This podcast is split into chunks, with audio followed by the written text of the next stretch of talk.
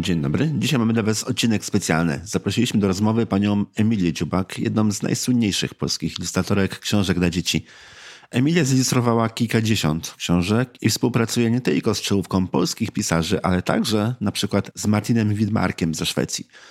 Spotkaliśmy się w kawiarni Stary Munek w Poznaniu, stąd też w tle rozmowy słychać muzykę i gości kawiarnianych. Za te efekty oczywiście bardzo przepraszamy i nie przedłużając już, zapraszamy do wysłuchania naszej rozmowy. Dzień dobry, witamy w kolejnym, 70. już nie wiem, którym odcinku podcastu Co się czyta. Joanna Furdal. I Krystian Zych. I jest z nami dzisiaj nasz gość specjalny, jedna ze słynniejszych polskich ilustratorek, Emilia Dziubak. Witamy serdecznie. Witam serdecznie. Będziemy dzisiaj rozmawiać o ilustracji, Ale nie emocjach tylko. i grillowaniu.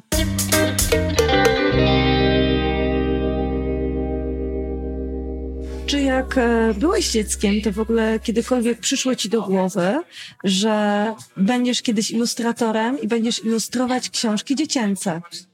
Tak szczerze, jak byłam dzieckiem, marzyłam o tym, żeby być malarką. I tak strasznie chciałam być malarką, że nie brałam pod uwagę ilustracji do książki jako, jako samej ilustracji. Chociaż przyszło mi coś takiego do głowy, jak zobaczyłam e, ilustrację do Kajtusia Czarodzieja. I to były ilustracje wykonane przez Gabriela Rachowicza. To jest zupełnie coś innego niż ja robię. Kompletnie inny świat, ale pamiętam, że wtedy miałam takie myślenie, jakie to musi być wspaniałe, być ilustratorem książek, zarabiać na tym pieniądze i jednocześnie y, robić coś takiego, ale to były takie pojedyncze fragmenty, momenty w moim życiu. Przez całe moje dzieciństwo marzyłam, żeby malować obrazy i żeby być malarką.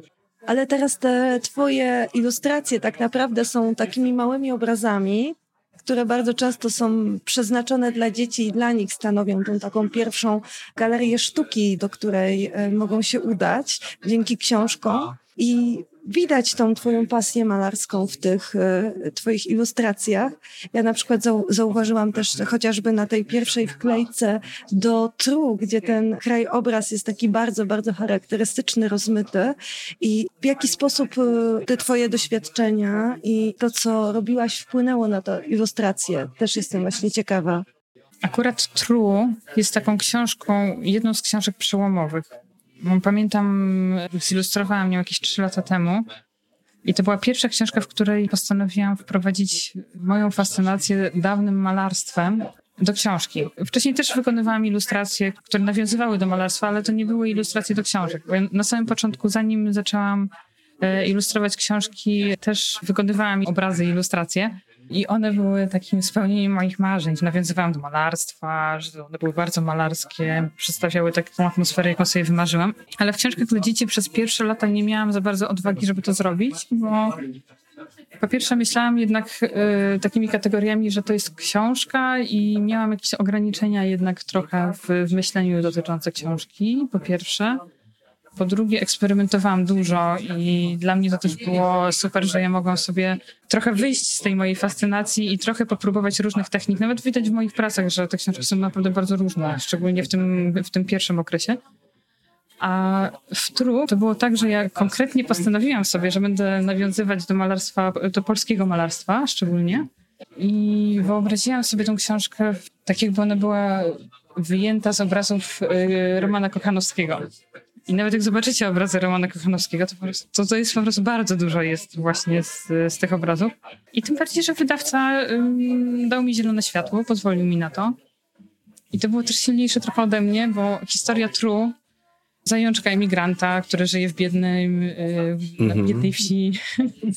Od razu przypomniało mi się też moje dzieciństwo. Ja się wychowywałam w moim miasteczku. Wychowywałam się wśród ludzi bardzo różnych klas społecznych, to może to nie jest dobre słowo, ale od ludzi bogatych po ludzi bardzo, bardzo biednych. I widziałam też tą straszną biedę, widziałam też ludzi z klasy średniej, widziałam takich, którzy się bogacili i jeszcze na dodatek y, przyszło mi się wychowywać w czasach przejściowych. To były lata 90., kiedy wszystko było po prostu kompletnie rozwalone. I ja sobie wyobraziłam właśnie tu umieszczonego w takich, y, w takich realiach. Małego zajączka, który żyje y, we W tym twoim świecie, tak? Tym, który znasz.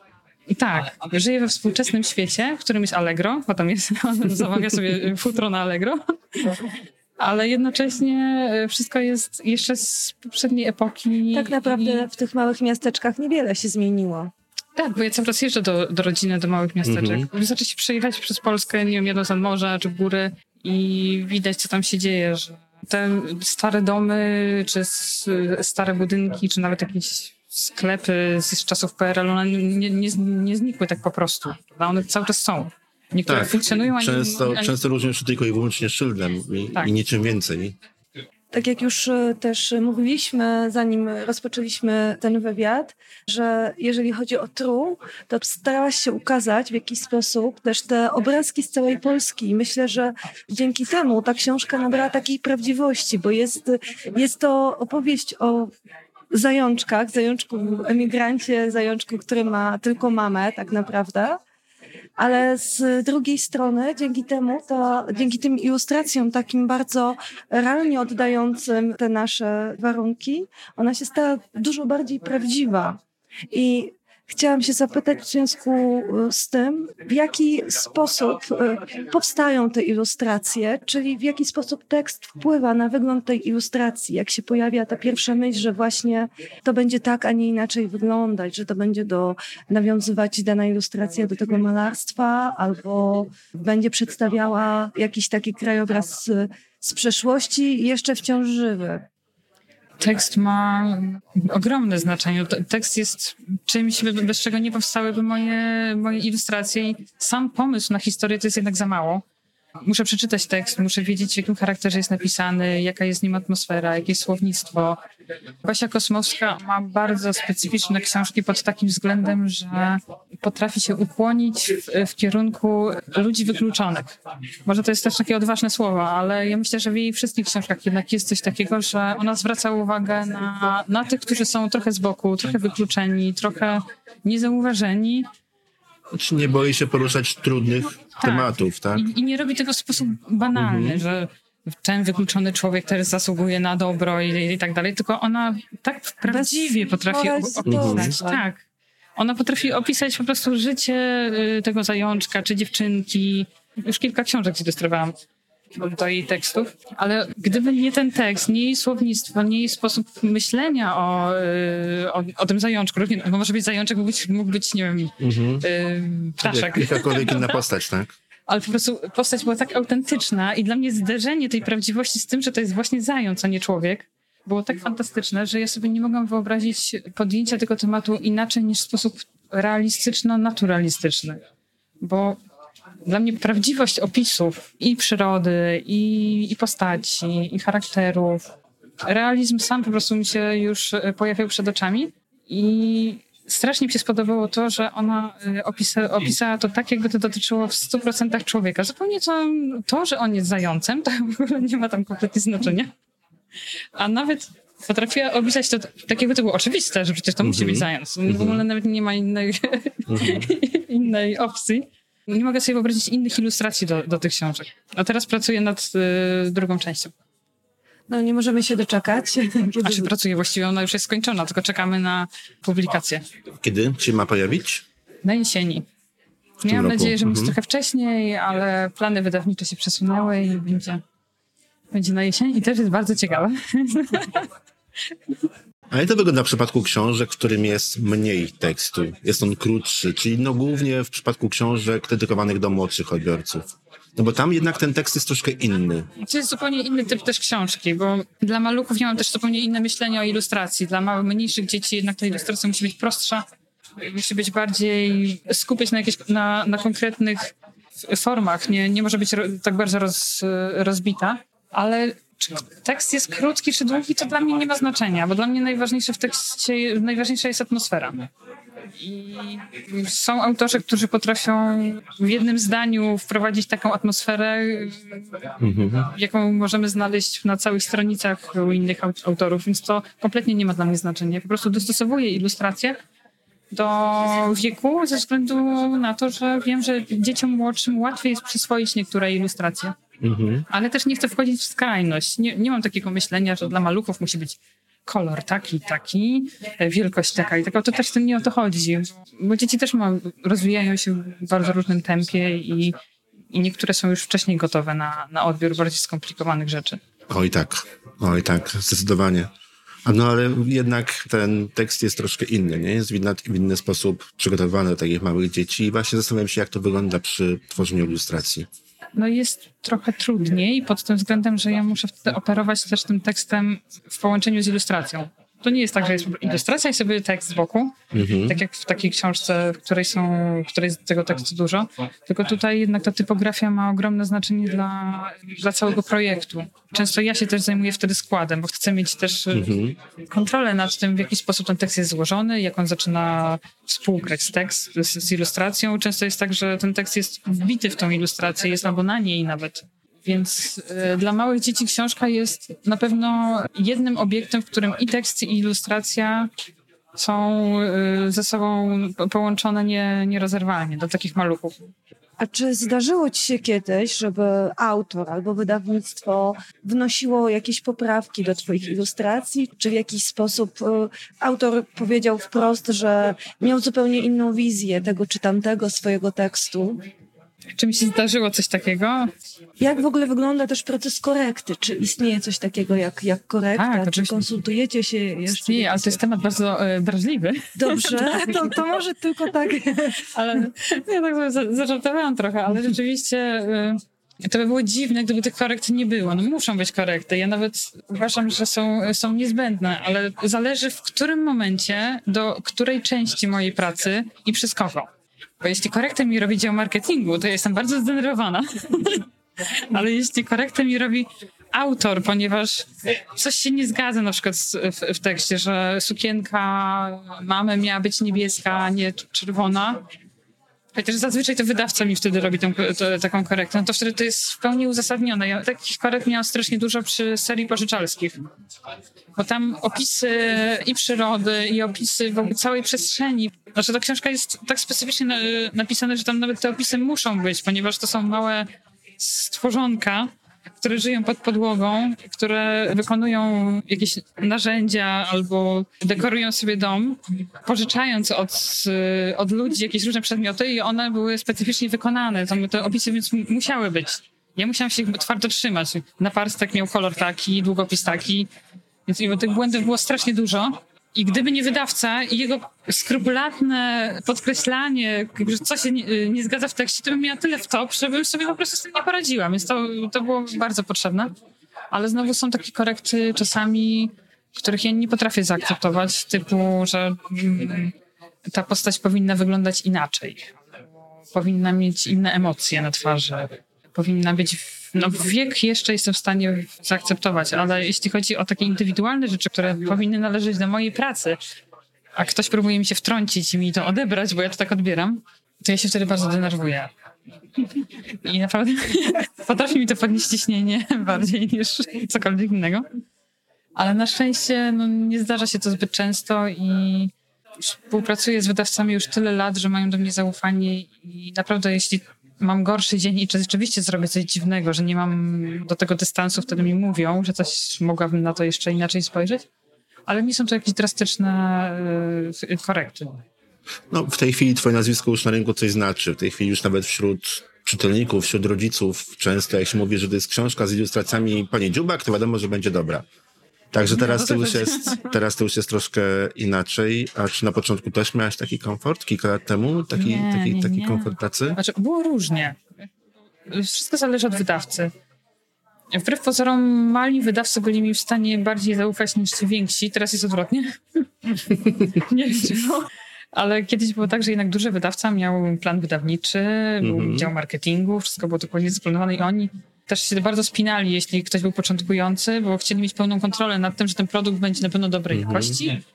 I ja się spotykałam z czymś takim, że książka miała być idealna, czyli mhm. miała być i ładna, i praktyczna, i miała się dobrze trzymać, i miała być y, tania, i miała być dobrej jakości. Tak mhm. się nie da.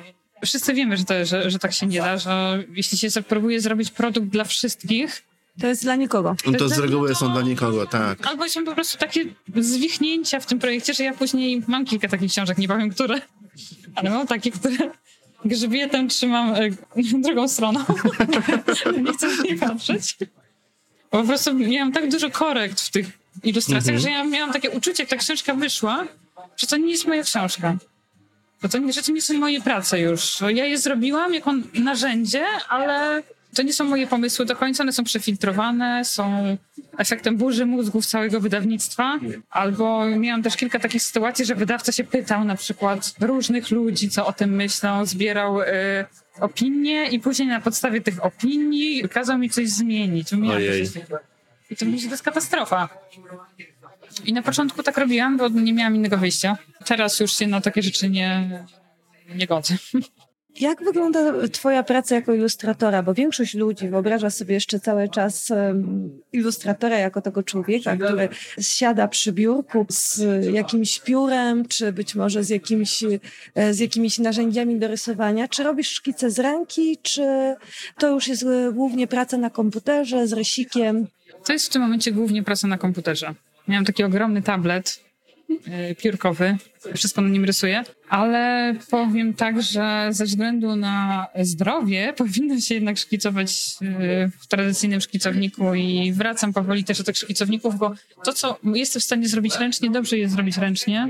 To, co jest niezbędne do zrobienia na komputerze, dobrze jest dopiero wtedy robić na komputerze, no ze względu na oczy, na, na to, że praca przy komputerze, no jednak w takiej samej pozycji cały czas przez ileś godzin dziennie, to... No, dla organizmu jest męcząca. Mhm. To jest bardzo. Na początku jest tak, że się nie zwraca na to uwagi, ale po iluś latach, jak nagle się okazuje, że już się człowiek czuje trochę gorzej niż kilka lat wcześniej, to się zaczyna myśleć o tym, żeby wrócić do szkicowników, ale głównie pracuję na, e, na komputerze w Photoshopie. Gdzieś w jakimś wywiadzie kiedyś powiedziałaś, że masz kilka różnych szkicowników, zapisujesz w nich różne pomysły i potem się gubisz, co gdzie było. Tak. Dalej tak jest? No i nadal kupuję nowe i mhm. każdy zaczynam. I później mam ich dużo. I nie pamiętam, gdzie jest ten pomysł i muszę od nowa go z powrotem spisywać. Szczególnie teraz po przeprowadzce. Nie, przysięgam, nie wiem, gdzie, gdzie to mam. Mam takie pytanie, które chciałam zadać. Po... Ale się boisz? Nie, nie boję się, tylko patrząc na twoje ilustracje, koniecznie chciałam się zapytać, czy lubisz jeść? Czy lubię jeść? Jeść, tak. No, nie wyglądam jakby, jakbyś Ale ja się też bać. nie wyglądam, ale lubię. Ja bardzo lubię jeść, ale nie lubię gotować. No właśnie patrząc na te ilustracje można zauważyć dużą fascynację jedzeniem. I chociażby ze względu na Twoją książkę, którą wysłałaś na konkurs wiele lat temu i to była gratka dla... To był mój debiut, gratka dla małego niejadka. Tak. Gratka tak. dla małego niejadka i chociażby póź, późniejszy znacznie horror. Pamiętam jak e, w wywiadzie dla Ten łokieć e, źle się zgina. Ta książka jeszcze wtedy nie była wydana. Mówiłaś, że jest to rodzaj eksperymentu. Tak. I jak właściwie teraz byś oceniała ten eksperyment po czasie? Nie minęło tyle czasu. Powiem tak, że nie mogłam chyba y, zrobić. Tak sobie myślę teraz, siedząc tutaj po ośmiu latach, czy po dziesięciu prawie, po dziewięciu latach. Mam takie uczucie, że zrobiłam wtedy wszystko, na co było mnie na tamten moment stać. I nie mam takiego uczucia, że mogłam zrobić coś lepiej, gorzej, mogłam zrobić inaczej. Tylko mam takie właśnie uczucie, że wtedy wydałam tą książkę. Ona była na miarę moich wtedy możliwości. Mówisz o gradce Małego tak. To był mój, de mój debiut. Debiut, tak. No ale debiut udany, tak? W 2011 roku nominacja do nagrody głównej koreańskiego plebiscytu. Tak, mhm. tak. Picture Book Awards. No to był szok dla mnie, bo w ogóle samo wydanie książki było dla mnie spełnieniem marzenia. Ja ją zaczęłam projektować z myślą o konkursie. To był konkurs na uczelni e, katowickiej. Książka dobrze zaprojektowana, zacznijmy od dzieci, tak pamiętam ten konkurs. I ja robiłam te ilustracje w ramach odreagowania dyplomu, nad którym mhm. właśnie pracowałam na uczelni. Byłam strasznie zmęczona i byłam sfrustrowana, w ogóle okropnie. I wracałam do domu i sobie rysowałam warzywa, które tańczyły po talerzach, żeby zapomnieć. Ciekawe. Nie wpadłem na to, żeby tak odreagować. Ale mam do tej pory, dlatego powstał horror. Ty się spytałeś, czy ja lubię jeść, ale ja rysowania, rysowania jedzenia w ogóle nie kojarzę z, z tym, czy lubię jeść. Bo dla mnie rysowanie jedzenia, czy rysowanie w ogóle przedmiotów takiego codziennego użytku ma trochę inną wartość niż samo, sama fascynacja tymi przedmiotami. Ja jednak lubię ukrywać w tych przedmiotach różne emocje, różne przeżycia, lubię opowiadać o życiu za pośrednictwem zupełnie innych środków niż y, te nasze ludzkie. Myślę, że one mają wtedy troszeczkę inną, inne znaczenie i dzięki temu mogę nabrać też dystansu do wielu rzeczy. Ale tamta książka była no, typowo właśnie dla, dla takich małych dzieciaków. Była bardzo gruba jak na, jak na książkę, bo tam nie wiem ile jest, 80 chyba ileś stron, czy nawet więcej. Takie książki nie powstają teraz. Ale nie żałuję niczego z tej książki, bo myślę, że tak musiało być. Fajnie, że ta książka powstała. Na, na tamten moment byłam akurat taką osobą i, i nie jestem takim człowiekiem, żeby rozpamiętywać coś i zastanawiać się, aha, mogłam to zrobić lepiej. To nie ma sensu, teraz już tego nie zrobisz inaczej. Nie, ja wolę, No nie, no została wydana, trudno, przypadło, tak? Już za późno. no, ale te wspomnienia zostaną, bo to była pierwsza książka. Można wydać wersję poprawioną i uzupełnioną ewentualnie, tak? bo, Ale to się nie sprawdza z reguły. Złożyłam ją tak fatalnie, że jak ktoś mnie prosi o pliki, to ja do, doznaję od razu takiego wyrzutu y, potliwości. Mhm. I zmieniam temat.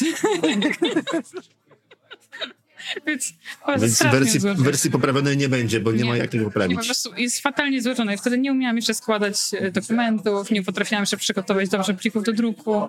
Miałam bardzo dużo poprawek. Te pliki są fatalne, w fatalnym stanie. Zawsze mamy pretensje do rzeczy pierwszych i takich, na których się uczyliśmy. No tak, mogę mieć pretensje do książki. Będzie to jej wina.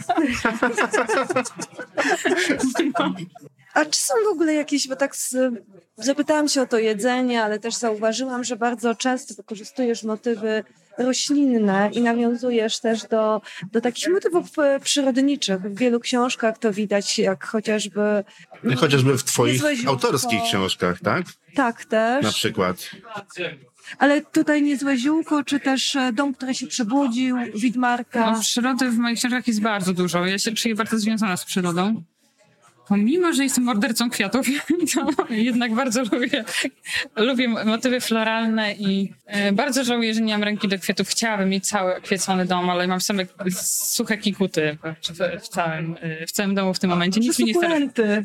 One nie potrzebują za dużo wody. Nie, one też ostatnio zgnił mi kaktus, więc nawet, nawet kaktusy umierają. Więc bardzo ubolewam. A może był zbyt zadbany po prostu. Nie, nie. Z kaktusami to też tak ostrożnie Nie trzeba, bo one są kwiaty mnie nienawidzą. różliwe. Mam ostatnio nawet taką, taką teorię, Mhm. że, że coś tam nie mają. Uwielbiam przyrodę i przyroda mi się kojarzy z ciszą, ze spokojem, z czymś takim, do czego można uciec, gdzie można się zresetować. I jeśli ja robię ilustracje, to jednak chciałabym zrobić takie ilustracje, które pozwolą człowiekowi uciec od tej rzeczywistości, schronić się gdzieś, pomarzyć sobie. Poza tym przypuszczam, że większość y, moich odbiorców to są jednak y, odbiorcy mieszkający w miastach, a wiem, że ludziom w miastach zawsze brakuje przyrody, więc to jest też taki trochę ukłon do nich. A zdarza ci się wymyślać ilustracje, wymyślać swoje prace właśnie uciekając gdzieś do lasu, do przyrody? Czy pracujesz tylko w domu? Potrafisz się tak odciąć? Mm, Nie, różnie bywa. Wiesz, to jest tak, że mm, nie jestem w stanie przewidzieć momentu, kiedy przyjdzie mi do głowy jakiś pomysł. Ale to też nie jest tak, że ja muszę wyjść z domu i pochodzić po lesie, bo wtedy coś wymyślę, bo właśnie nie. Ale jednak zbyt długie siedzenie w domu nie sprzyja pomysłom, niestety. I bardzo często przychodzą mi do głowy pomysły w podróży. Jak gdzieś jadę, jestem w jakimś nowym miejscu, nowe bodźce, nowa energia i wtedy, wtedy dopiero mam takie wrażenie, że wszystkie doświadczenia w życiu, jakie, jakie miałam do tej pory, nagle zaczynają mieć sens i kumulują się w tym jednym obrazie, który mi przychodzi do głowy. To jest takie właśnie dziwne, yy, metafizyczne uczucie. Ale ono potrzebuje jakiegoś bodźca z zewnątrz. Niekoniecznie ciszy i, i, i spokoju. Ostatnio rozmawiałem z panią, która jest architektem krajobrazu. Tu mówisz, że ona w momencie, kiedy potrzebuje przygotować jakiś projekt, na tym pierwszym etapie, takim najbardziej kreatywnym, wychodzi do kawiarni. Czyli w do kawiarni, czyli w miejsce, gdzie jest, A. które jest inne, po prostu musi wyjść ze swojego domu, ale bywa wśród ludzi, bywa w miejscach również głośnych, czasami głośniejszych niż tutaj. I mimo wszystko to nie przeszkadza i w takich miejscach się dużo lepiej wymyśla właśnie jakieś nowe rzeczy. No, i jestem w stanie się z tym zgodzić, bo to też zależy na jakim etapie projektowania, bo jeśli to jest na etapie wymyślania obrazów, czy szukania tych obrazów, mam bardzo różne etapy pracy. Są etapy, kiedy ja szukam obrazu w głowie i wtedy potrzebuję bodźców rzeczywiście, ale kiedy jestem na etapie porządkowania, to wtedy przysięgam, nie istnieje. Ktoś mógłby mi wyciąć nerkę i ja bym tego nie zauważyła po prostu w tym momencie. I ja wtedy Może to potrzebuję... wytniemy, żeby nie było bo to tak Że niebezpieczne. chętni się jacyś znajdą, tak? Jeszcze do narki? Właśnie, jeszcze nie znajdą gdzieś na zabunkruję się w domu. Ale wtedy potrzebuję bardzo, jeśli piszę konspekt, jeśli już na przykład mam obrazy w głowie, ale muszę napisać konspekt i, i, i dokładnie sobie wszystko poukładać, wtedy potrzebuję bardzo dużo spokoju, ciszy. Nie mogę wtedy rozmawiać przez telefony, odpowiadać na maile, bo nie mogę się skupić. Bo potrzebuję tego skupienia. Na pewno nie mogłabym siedzieć, rysować z tabletem w kawiarni. Nie. Jak jest etap rysowania, to ja muszę mieć swoją przestrzeń.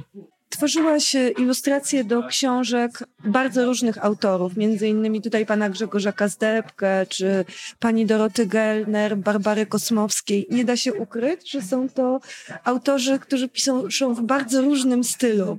Jak się tworzy ilustracje do tak różnych, rozmaitych styli jednocześnie, żeby zachować swoją taką spójność, żeby do każdego stylu nie robić czegoś nowego? To jest coś, czego ja nie potrafię opisać słowami. I pewnie dlatego się zajmuję ilustracją. Też kiedyś próbowałam sobie to wytłumaczyć. Ale myślę, że obraz to jest właśnie coś takiego, i tak powinno być w ilustracji, ja przynajmniej tak uważam, czegoś nie, nie da opowiedzieć słowami. I to jest ta część książki, której nie da się opowiedzieć słowami. I nie da się nawet opowiedzieć o ilustracji, nie da się jej w żaden sposób przełożyć na słowa. I ja myślę, że to jest po prostu to jest intuicyjne. Jeśli ja dostaję e, tekst od Grzegorza Kazdebka, czytam jego tekst, ja, ja czuję emocje w tym tekście, czuję atmosferę, ja wiem, podejrzewam, jak się czuł autor pisząc, bo to od razu czuć w tym, jakie miał intencje.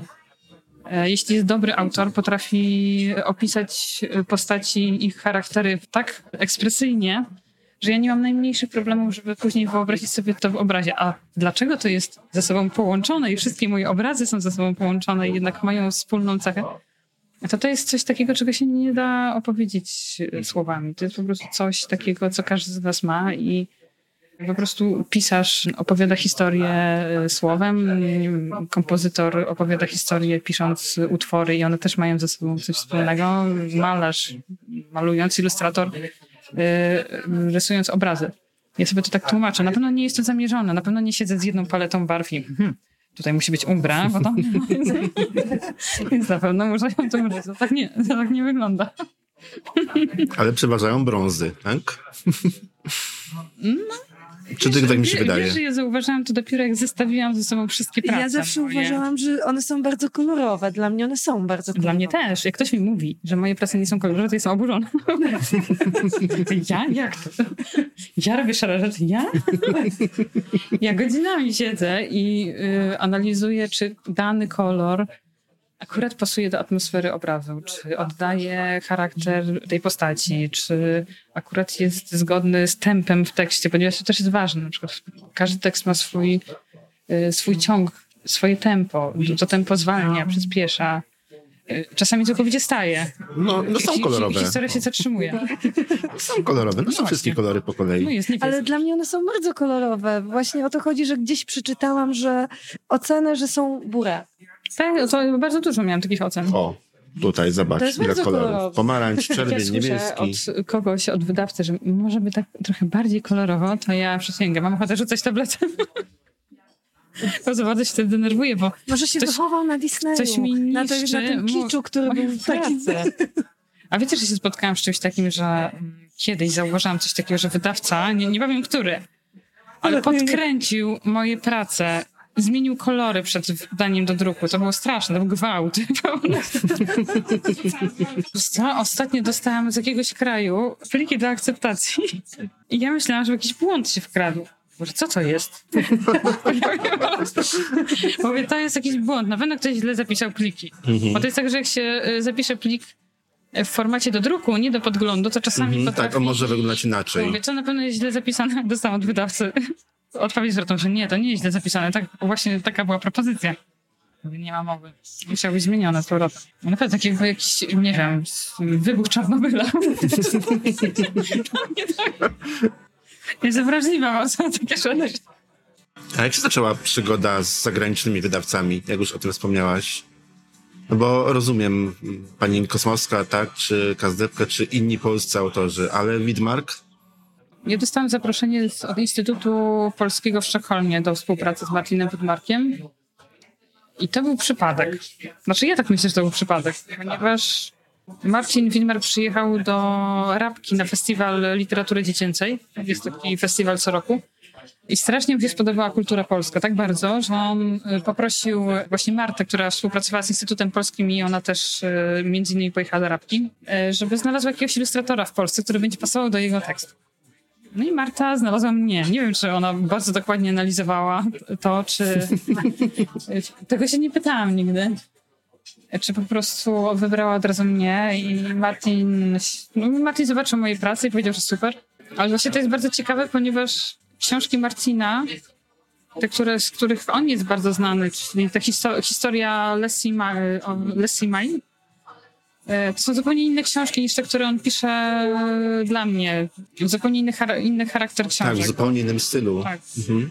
One są takie bardzo emocjonalne i, i, i tutaj już... Tak, tak. To, takie bardziej filozoficzne też mogą bo myśmy się dowiedzieli w pewnym momencie, że tak naprawdę ta seria o Lasse i Mai Martina Widmarka była serią edukacyjną, która miała skłonić... Też trochę przez przypadek powstała. Mhm. dzieci do Czytania, czytania. Do czytania, tak. Tak. On był nauczycielem kiedyś. Mhm. Z tego co wiem, on teraz stworzył taki program też w Szwecji, czytająca klasa. To jest jakiś podobno bardzo super program do tego, żeby zachęcić dzieci do czytania. Czyli on w tym siedzi po prostu już od, od, od wielu lat. To, to, nie, to nie są takie po prostu rozrywkowe książki detektywistyczne, tylko No, przede one... wszystkim tych książek jest tak dużo, że już teraz to nie można jako rozrywkę traktować, tak? To on tych książek też mnóstwo napisał. I teraz cały czas powstają nowe części. prawda? Tak. Film teraz powstał. Widziałam plakat, w Polsce jest.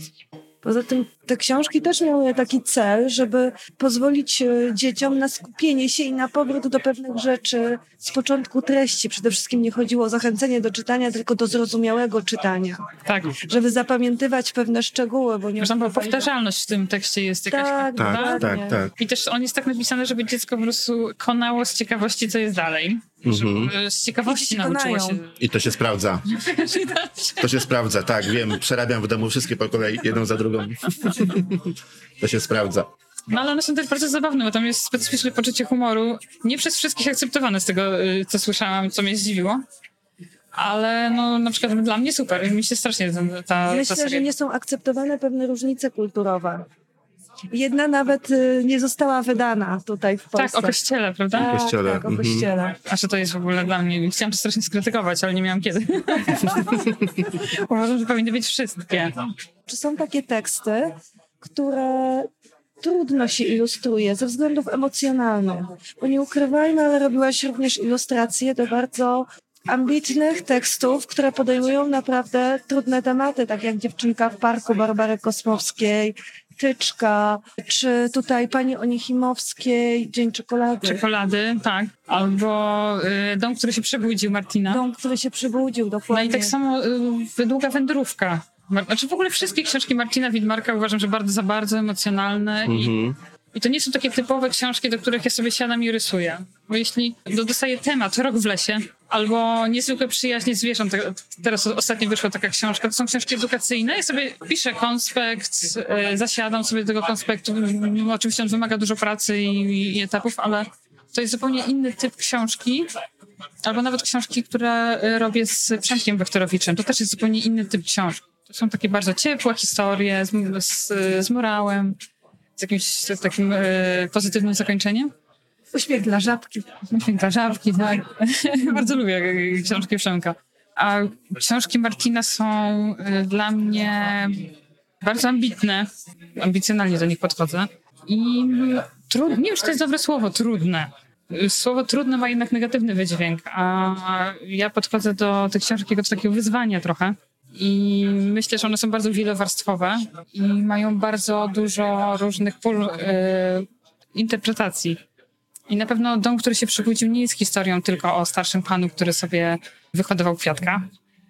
E, Nie wiem, czy ko- kojarzycie Tak, tak, historię. omawialiśmy tą książkę. To jest jedna z tych I na książek. pewno Długa Wędrówka nie jest tylko o dziewczynce, która uratowała chłopca, tylko tam jest dużo, dużo różnych jeszcze historii, które można sobie samemu opowiedzieć Tak, w oparciu pomiędzy- o pomiędzy swoje po drodze.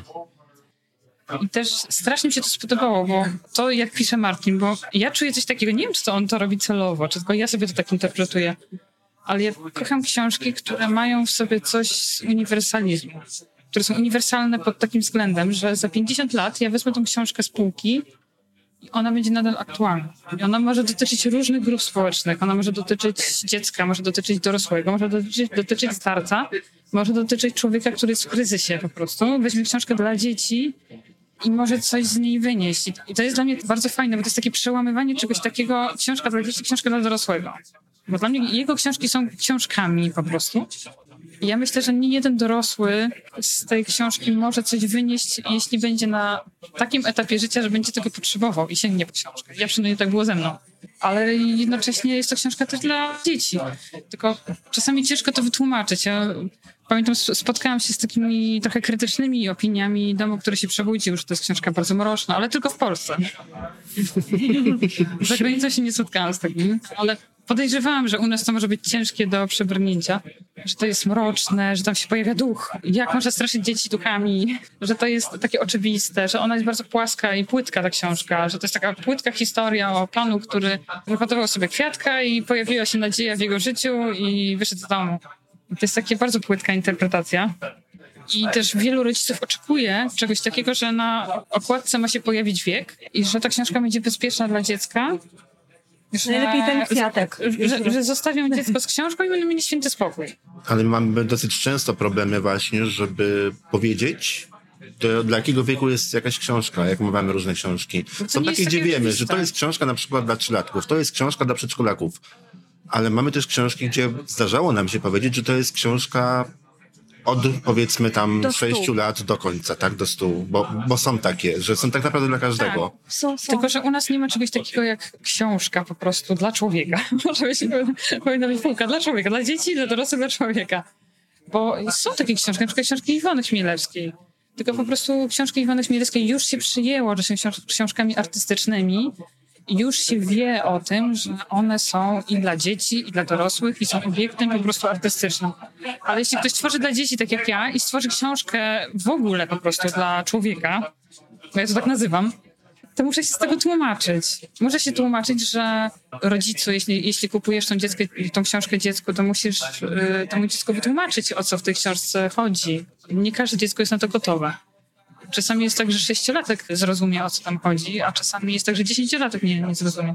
A może dziecko na przykład nigdy nie przeżyło nic, nic takiego w życiu trudnego i nie jest też wrażliwe na takie rzeczy, bo są takie dzieci, na przykład do niego ta książka nigdy nie trafi, a jest takie, które nie może spać po, po nocach, bo zobaczy przykry obraz w wiadomościach, to dla niego może być za ciężkie, prawda? I rzeczywiście to może być nieodpowiednia książka wtedy dla, dla dziecka, więc mi się strasznie podobają takie pozycje, które nie są książkami dla dzieci, tylko po prostu są książkami dla, dla ludzi. Poruszają jakiś problem. Są... Mogą być dla dzieci pod warunkiem, że z dzieckiem pracuje na dany tak. temat, że się z nim rozmawia, że się pokazuje. Tak, od indywidualnej wrażliwości też zależy. Bo wiesz, edukacja ze strony rodziców to też raz, ale wydaje mi się, że są dzieci, które są tak bardzo wrażliwe na niektóre rzeczy, że one potrzebują jednak dużo więcej pracy. Ja wiem po mhm. sobie, jak ja byłam dzieckiem. Ja byłam strasznie wrażliwym dzieckiem. Pamiętam, że nie mogłam spać po nocach, jak zobaczyłam obraz Kotsisa.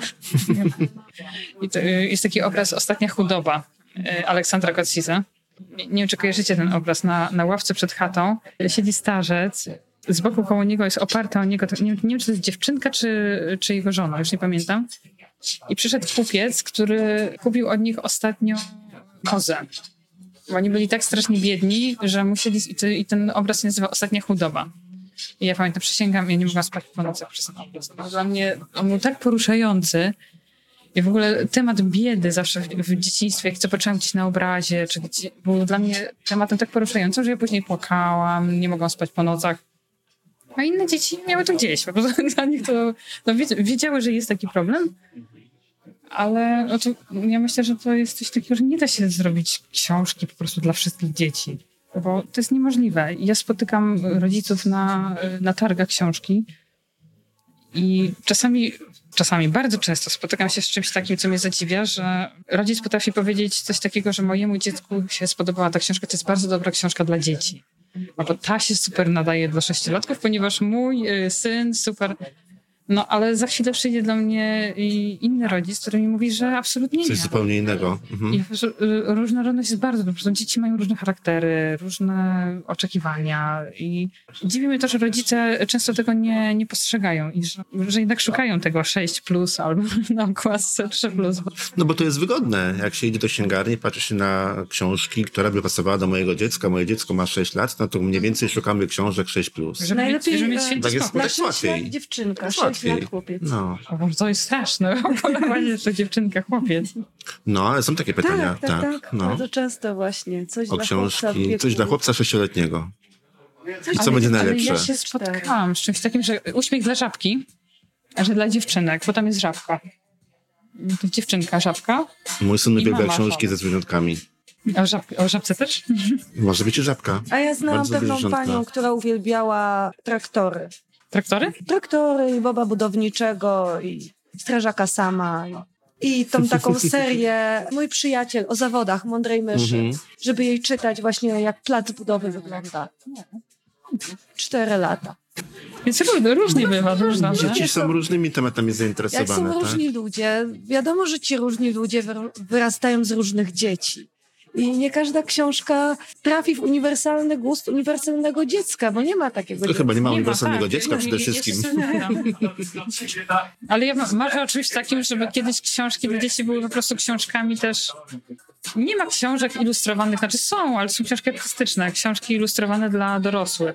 To są albo komiksy, albo jakieś albumy, ale nie ma czegoś takiego, że y, chcemy przeczytać jakąś bardzo ciekawą historię, chcemy się czegoś dowiedzieć pod takim względem emocjonalnym też o świecie czy o sobie i żeby to było zbudowane obrazem dla dorosłych.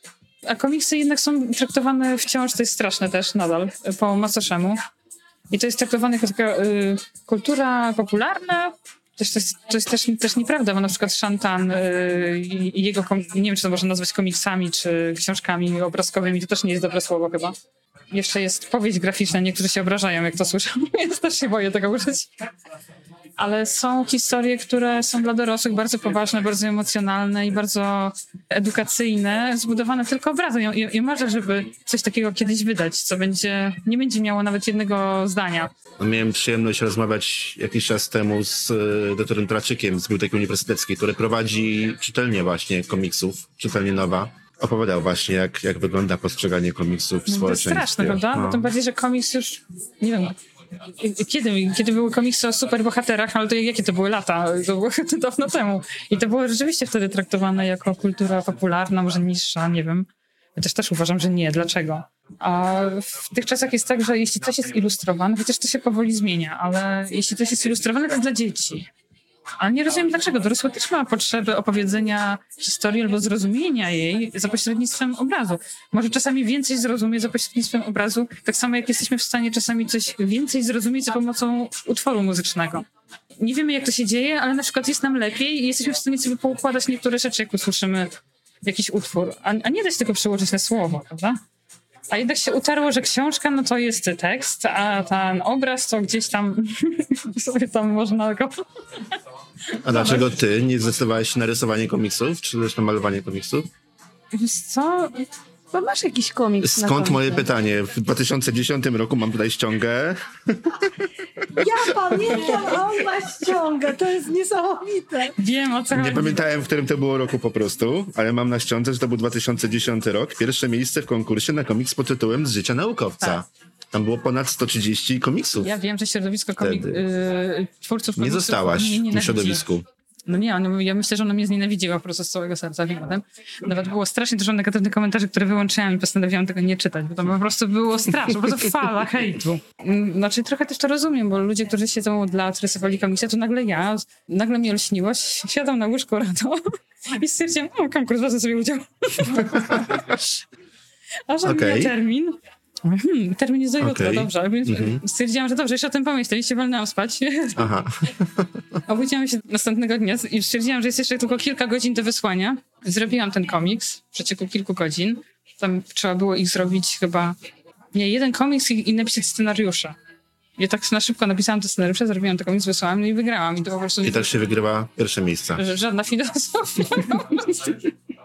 Ja nie, nie poświęciłam godzin na wymyślaniu i może właśnie to był ten klucz, ponieważ ja y, nie znam środowiska naukowego. Nigdy nie byłam w środowisku naukowym. Zrobiłam ten komiks w taki sposób, w jaki sposób osoba z zewnątrz stereotypowo widzi świat naukowy i przez to to się stało śmieszne. Bo ci, którzy byli ze świata naukowego i zaczęli robić swoje branżowe historie, czy jakieś żarty branżowe, to są no tak, oni je rozumieli, ale niekoniecznie reszta. Tak, tutaj zrobiłem bardzo prosto. Naukowiec w okularach, w mhm. swetrze, w rąby. Poszłam po całości. Stwierdziłam, że idę w stereotypy jak tylko się da. Właśnie specjalnie, po to, żeby było mhm. zabawnie. I ten odcinek, którym wygrałam, to był o klonowaniu owiec. Było bardzo proste. To on trzyma pod pachą owce, wciska guzik i jest tak jedna, druga. I, nie, nie, nie jest tak dwie, trzy i na końcu jest pięć i jedna z nich ma jego okulary. I tam było więcej tego odcinka, na przykład właśnie o tym swetrze, że naukowcy bardzo sobie cenią różnorodność. I tam był, na, na każdym był ten sam sweter, tylko te rąby różniły się tylko serkiem.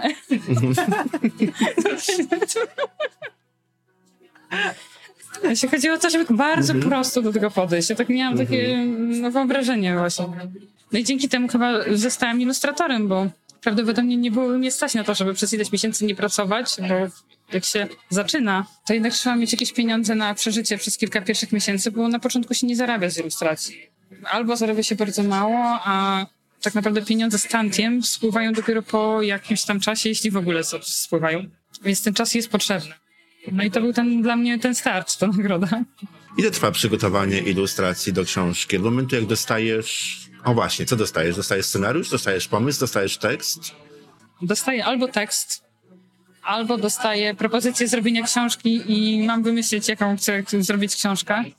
I to na przykład w przypadku naszej księgarni tak mam, że są książki autorskie, to wtedy mogę sobie wymyślić temat. Objętość, no to wiadomo, jest podyktowana sprawami technicznymi, czyli ta objętość musi być już wcześniej, wcześniej wyznaczona, żeby można było wliczyć kosztorys i tak dalej ale no to jest bardzo wygodne. Jeśli, jeśli ja dostaję wolną rękę, wymyślam jakiś temat albo kilka tematów, spotykam się z wydawcą, zaczynamy rozmawiać, y, temat się rozwija, no i wtedy podpisujemy umowę i zaczynam pracę. Tak wyglądają y, książki, które robię dla naszej księgarni, książki autorskie, ale książki, które ilustruję z tekstem innego autora, to jest tak, że dostaję tekst i termin realizacji, deadline. I tak jak na ten komiks, robisz wszystko ostatniego dnia, czy jednak nie? Nie da się gdzieś z książką tak zrobić. Chociaż próbowałam na początku, ale to było straszne. Ale jednak jest tak, że ja przyciągam do samego końca, bo zawsze jest coś, co mogę poprawić. Zawsze jeszcze jest coś, co chciałabym zmienić. Więc to nie jest tak, że ja przed terminem oddaję projekt. Nigdy mi się to nie zdarzyło. Przy pracy z tekstem o innych autorów ilustrowanie wygląda zupełnie inaczej niż przy książkach autorskich edukacyjnych. No bo jednak przy takiej książce gdzie mam gotowy tekst i ten tekst jest już zatwierdzony przez wydawcę no i muszę się go trzymać.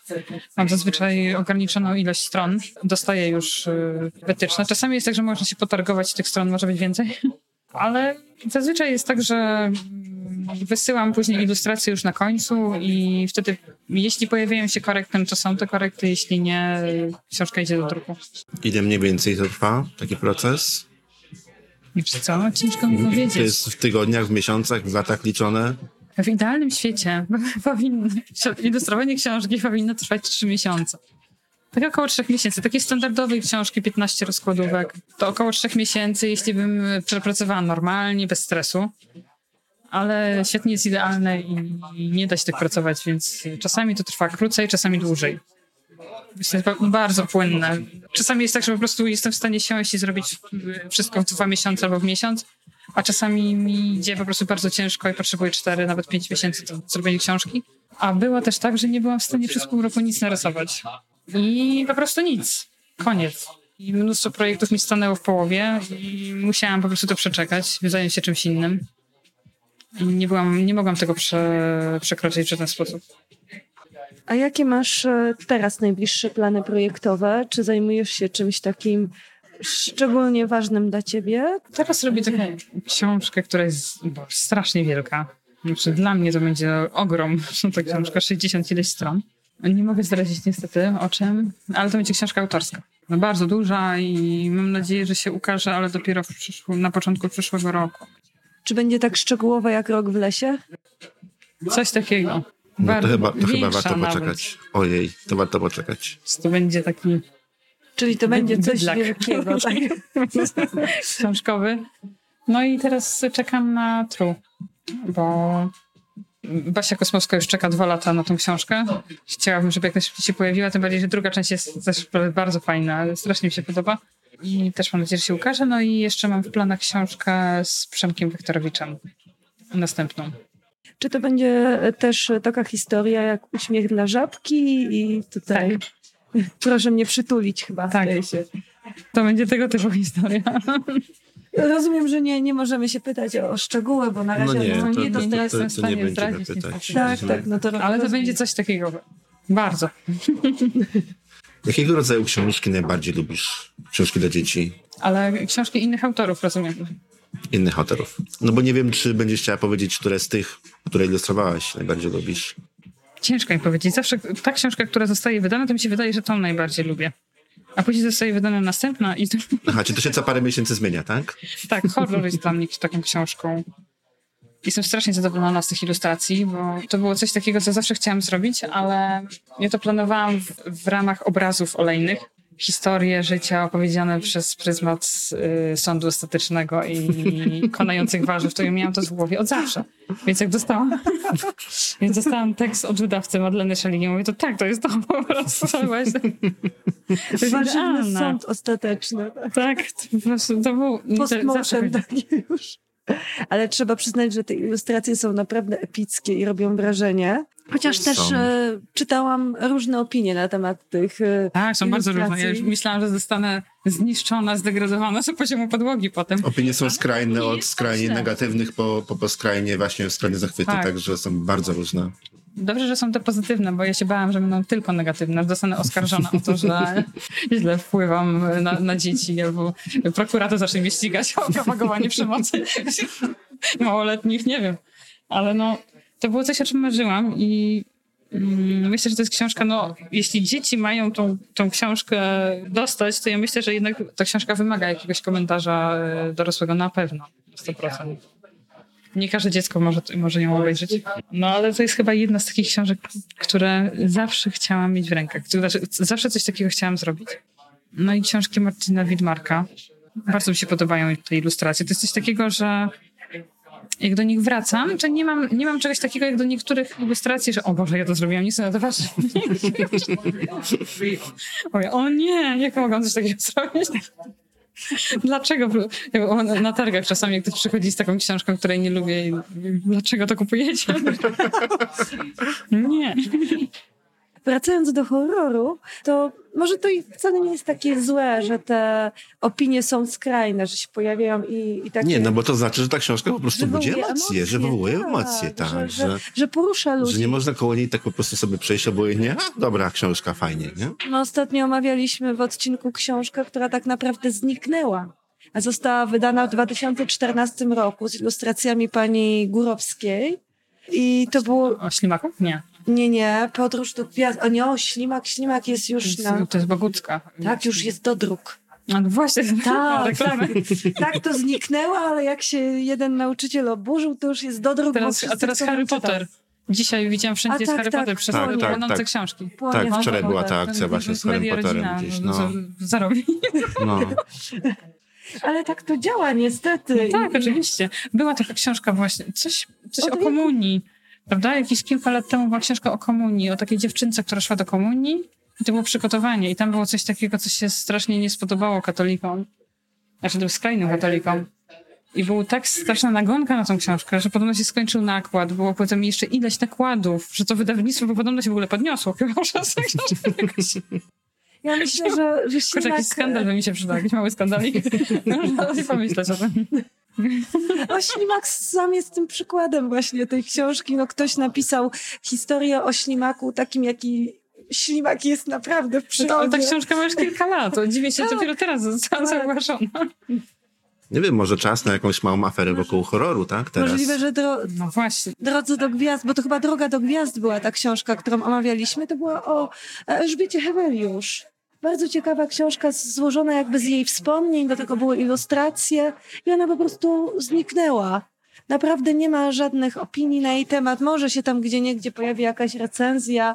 E, A to jest chyba na- najgorsze, co może się przydarzyć w książce, prawda? Żadnych. No, z recenzjami jakimiś w internecie, no bo wspieramy się często opiniami innych, żeby po prostu porównać, tak, co ludzie piszą, co mówią o, o, o książkach, o których mówimy. No to o tej faktycznie było cicho, po prostu pojawiła się, ktoś o niej coś napisał, że taka książka się pojawiła na rynku i to byłby na tyle właściwie. Ale to też kwestia zaangażowania wydawcy, bo y, wydawcy jednak powinien współpracować z recenzentami. Zazwyczaj jest tak, że wysyłają książki do recenzentów i, i to tak powinno wyglądać. Ale No. czasami jest tak, że jak książka wzbudza zainteresowanie, to recenzenci sami się upominają o tą książkę. To był bardzo przyjemnie spędzony czas i mamy nadzieję, że wybawiliście się równie dobrze jak i my. Linki do prac Emilii Dziubak znajdziecie na stronie cosiczyta.pl ukośnik 71. Nie będziemy linkować oczywiście do wszystkich książek, które Emilia zilustrowała, ponieważ jest ich naprawdę bardzo, bardzo dużo, ale te najważniejsze informacje, które na pewno będą Wam przydatne, znajdziecie właśnie na tej stronie cosiczyta.pl ukośnik 71. Do usłyszenia.